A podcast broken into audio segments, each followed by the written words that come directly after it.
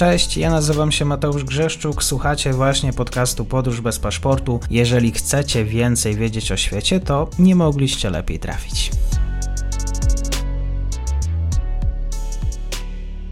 Partnerem odcinka jest Oanda, TMS Brokers, dom maklerski obecny na rynku już od ponad 20 lat. W opisie odcinka znajdziecie link do aplikacji, której możecie otworzyć konto maklerskie i grać na giełdzie, a wcześniej potrenować na koncie demonstracyjnym. Jeżeli otworzycie konto za pośrednictwem tego linku, dostaniecie na start książkę o tematyce inwestycyjnej. Zapraszam, Mateusz. Dzień dobry, dobry wieczór wszystkim słuchaczom. Ze mną dzisiaj jest dr Michał Piekarski z Uniwersytetu Wrocławskiego. Będziemy rozmawiać o ataku na Kreml, ale nie tylko, bo będzie rozmawiać konkretnie o ochronie miast, administracji. Dzień dobry. Dzień dobry panu, dzień dobry państwu. Kiedy pan doktor zobaczył to nagranie, jaka była pierwsza myśl? Pierwsza myśl? Praktycznie bez zaskoczenia.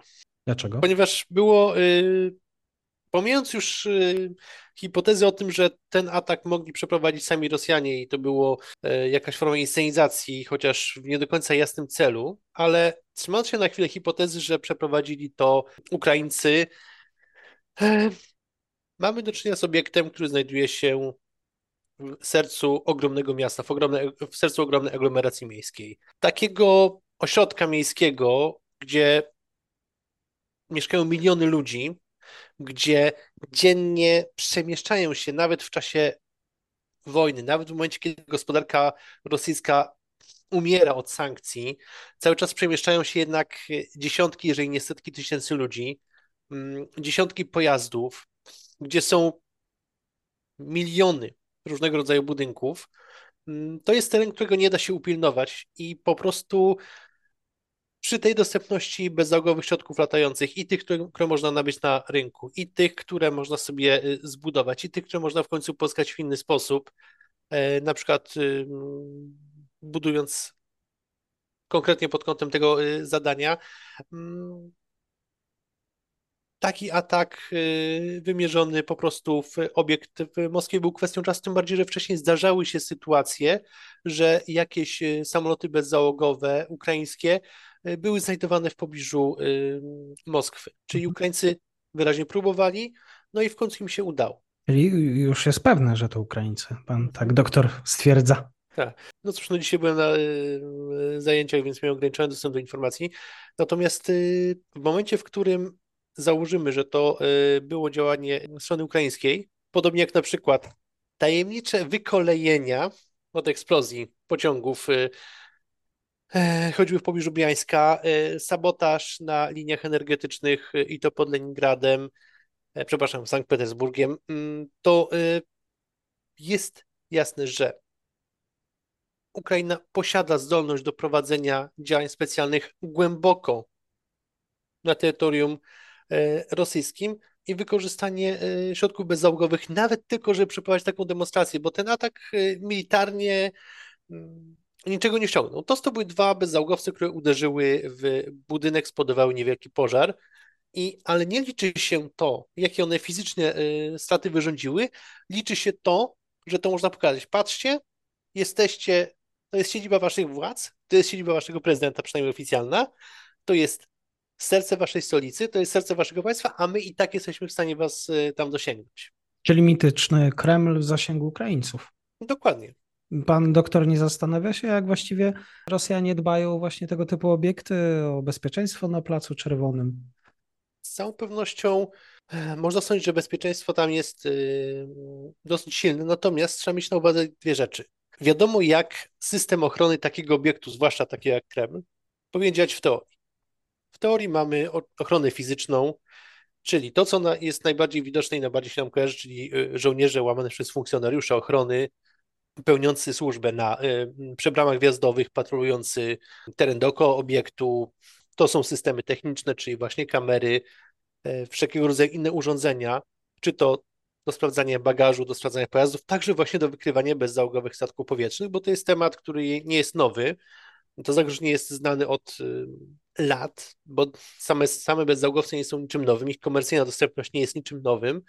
E, I mamy w tej chwili już ogrom systemów, które pozwalają nam na wykrycie bezzałogowego statku powietrznego i albo przejęcie na nim kontroli, albo zmuszenie go do lądowania, ale ewentualnie zniszczenie. Te systemy mają swoje e, ograniczenia, mają swoje wady i zalety, ale przede wszystkim istnieją. Istnieją oczywiście także inne systemy zabezpieczeń, inne sposoby zapewnienia ochrony mm, takim obiektom, w tym także z wykorzystaniem metod operacyjnych. E, natomiast kluczowe jest to, że te systemy działają tak długo, niech działają poprawnie. Czyli na przykład, jeżeli mamy funkcjonariusza ochrony na bramie jakiegoś obiektu, to on jest skuteczny wtedy, kiedy po pierwsze jest trzeźwy i przytomny, kiedy naprawdę sprawdza, a nie tylko y, macha ręką, kiedy wykazuje się po prostu przestrzeganiem y, procedur, których ma przestrzegać. W momencie, kiedy system przestaje działać, bo na przykład ludzie są leniwi, zmęczeni, znużeni, niezdyscyplinowani i na przykład właśnie piją w pracy, a w przypadku Rosji jestem skłonny uwierzyć w takie rzeczy, albo na przykład systemy techniczne są niesprawne. Ktoś zauważył, jak, bo to wówczas w tym momencie system się sypie, bo pojawia, pojawia się coraz więcej luk, które można wykorzystać. I znowu, żaden system ochrony nie daje nam stuprocentowej gwarancji bezpieczeństwa. Ale każda jedna warstwa tej ochrony, czy to będzie właśnie ochrona fizyczna, techniczna, e, czy to będzie ochrona mm, teleinformatyczna, czy to będzie ochrona przez bezzałogowymi statkami powietrznymi, czy innego rodzaju zagrożeniami, e, niejako podnosi koszt ataku. Bo jeżeli w tym momencie na przykład mamy taką najprostszą sytuację, e, chronimy obiekt i stawiamy tam pracowników ochrony, wprowadzamy najprostszy system, czyli, jaki, czyli system na przykład przepustek. To oznacza, że w tym momencie do tego obiektu już nie wejdzie byle kto, tylko ktoś musi się postarać, żeby na przykład e, taką przepustkę robić, albo na przykład e, sprowokować sytuację, w której na przykład ochrona nie będzie e, czujna, bo będzie zajęta na przykład jakimś innym incydentem. Więc podnosimy ten koszt, jaki napastnik musi ponieść na przełamanie zabezpieczeń albo ich ominięcie i w tym momencie zmniejszamy prawdopodobieństwo, że atak się powiedzie. A nawet jeżeli atak się powiedzie, to jesteśmy w stanie zarządzać ryzykiem. Na przykład, jeżeli dzielimy sobie e, obiekt na poszczególne strefy i pierścienie ochrony, to na przykład możemy zaakceptować sytuację, że ok, przeciwnik y, zdołał przedrzeć na przykład przez pierwszy pierścień ochrony, ale de facto na przykład w tym pierwszym pierścieniu ochrony nie ma żadnych istotnych obiektów, a nam chodzi o, zablok o zablokowanie tego y, najważniejszego, gdzie na przykład są y, najważniejsze osoby czy najważniejsze instalacje.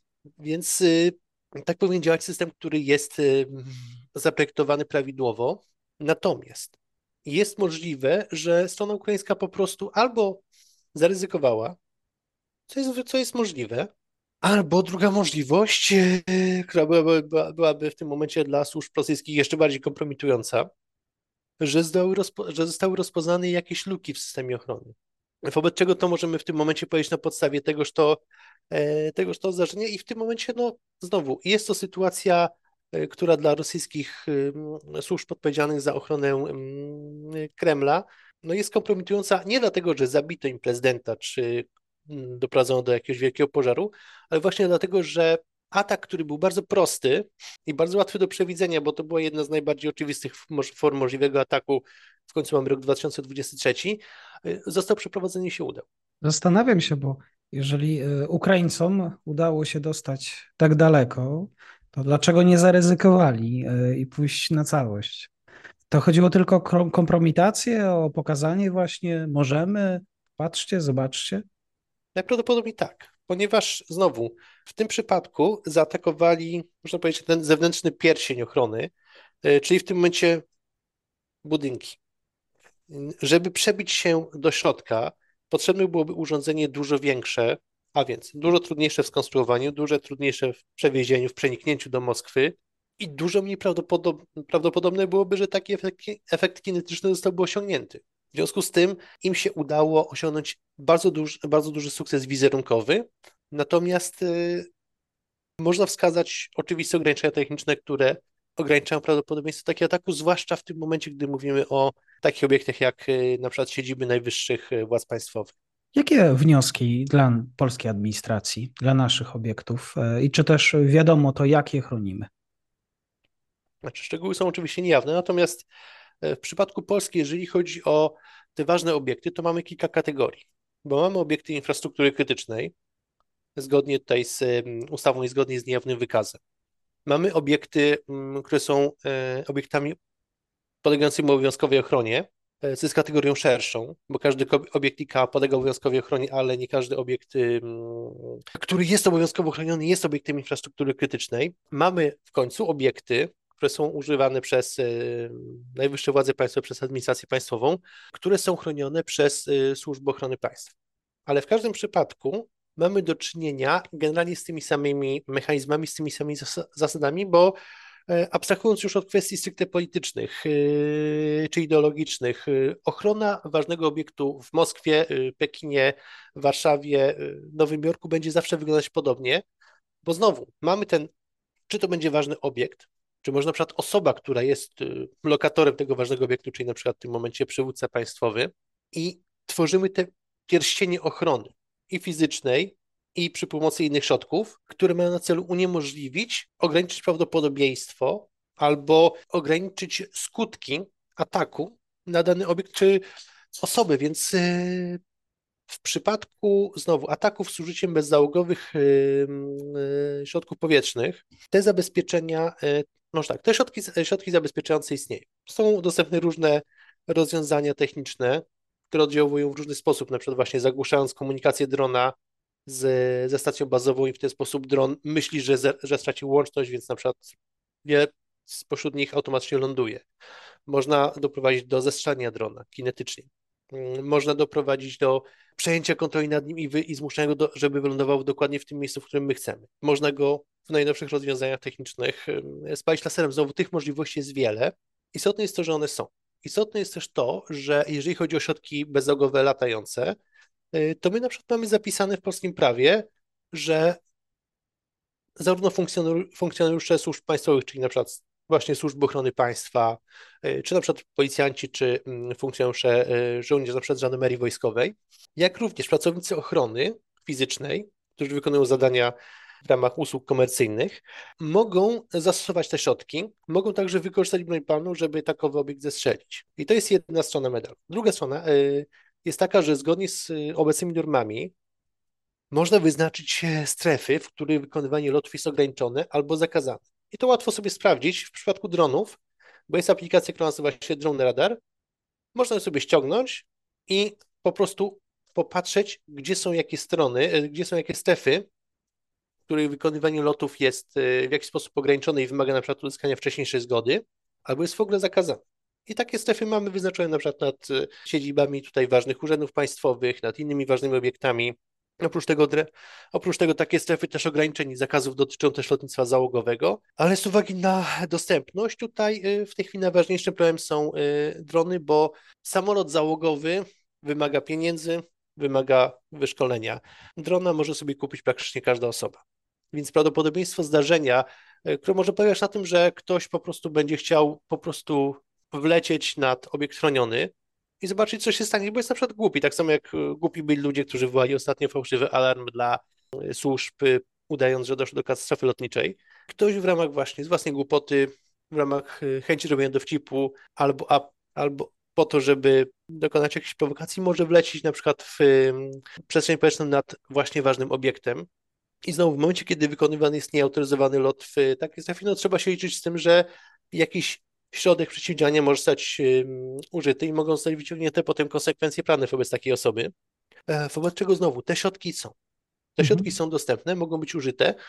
Cały klub problemu polega na tym, że one muszą działać prawidłowo, zgodnie z procedurami, które też muszą być sformułowane i przestrzegane, bo nie ma sensu, bo jeżeli kupimy najdroższy na świecie system antydronowy, a on nie będzie włączony, no, no to nic nam to nie da.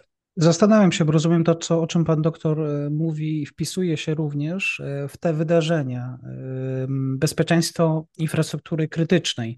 Cały czas jakieś wybuchy, składy paliw właśnie na okupowanym Krymie, na terytorium Rosji. To są te same zasady bezpieczeństwa.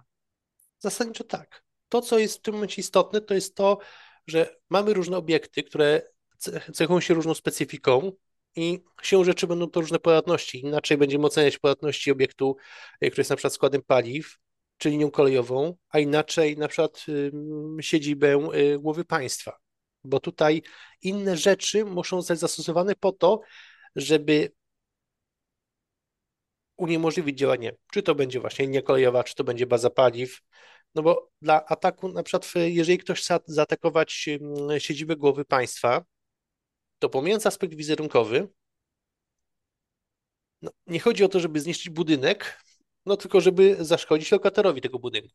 E, inaczej to będzie wyglądać w przypadku linii kolejowej, e, gdzie na przykład nie musimy zabijać ludzi, żeby e, doprowadzić do zablokowania jej.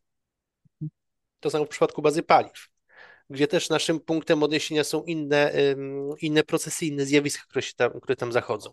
Bardzo dziękuję w takim razie za dzisiejszy komentarz. Dzisiaj nieco z innej strony, ekspertyza pod kątem bezpieczeństwa, bo i o ataku na Kreml rozmawialiśmy.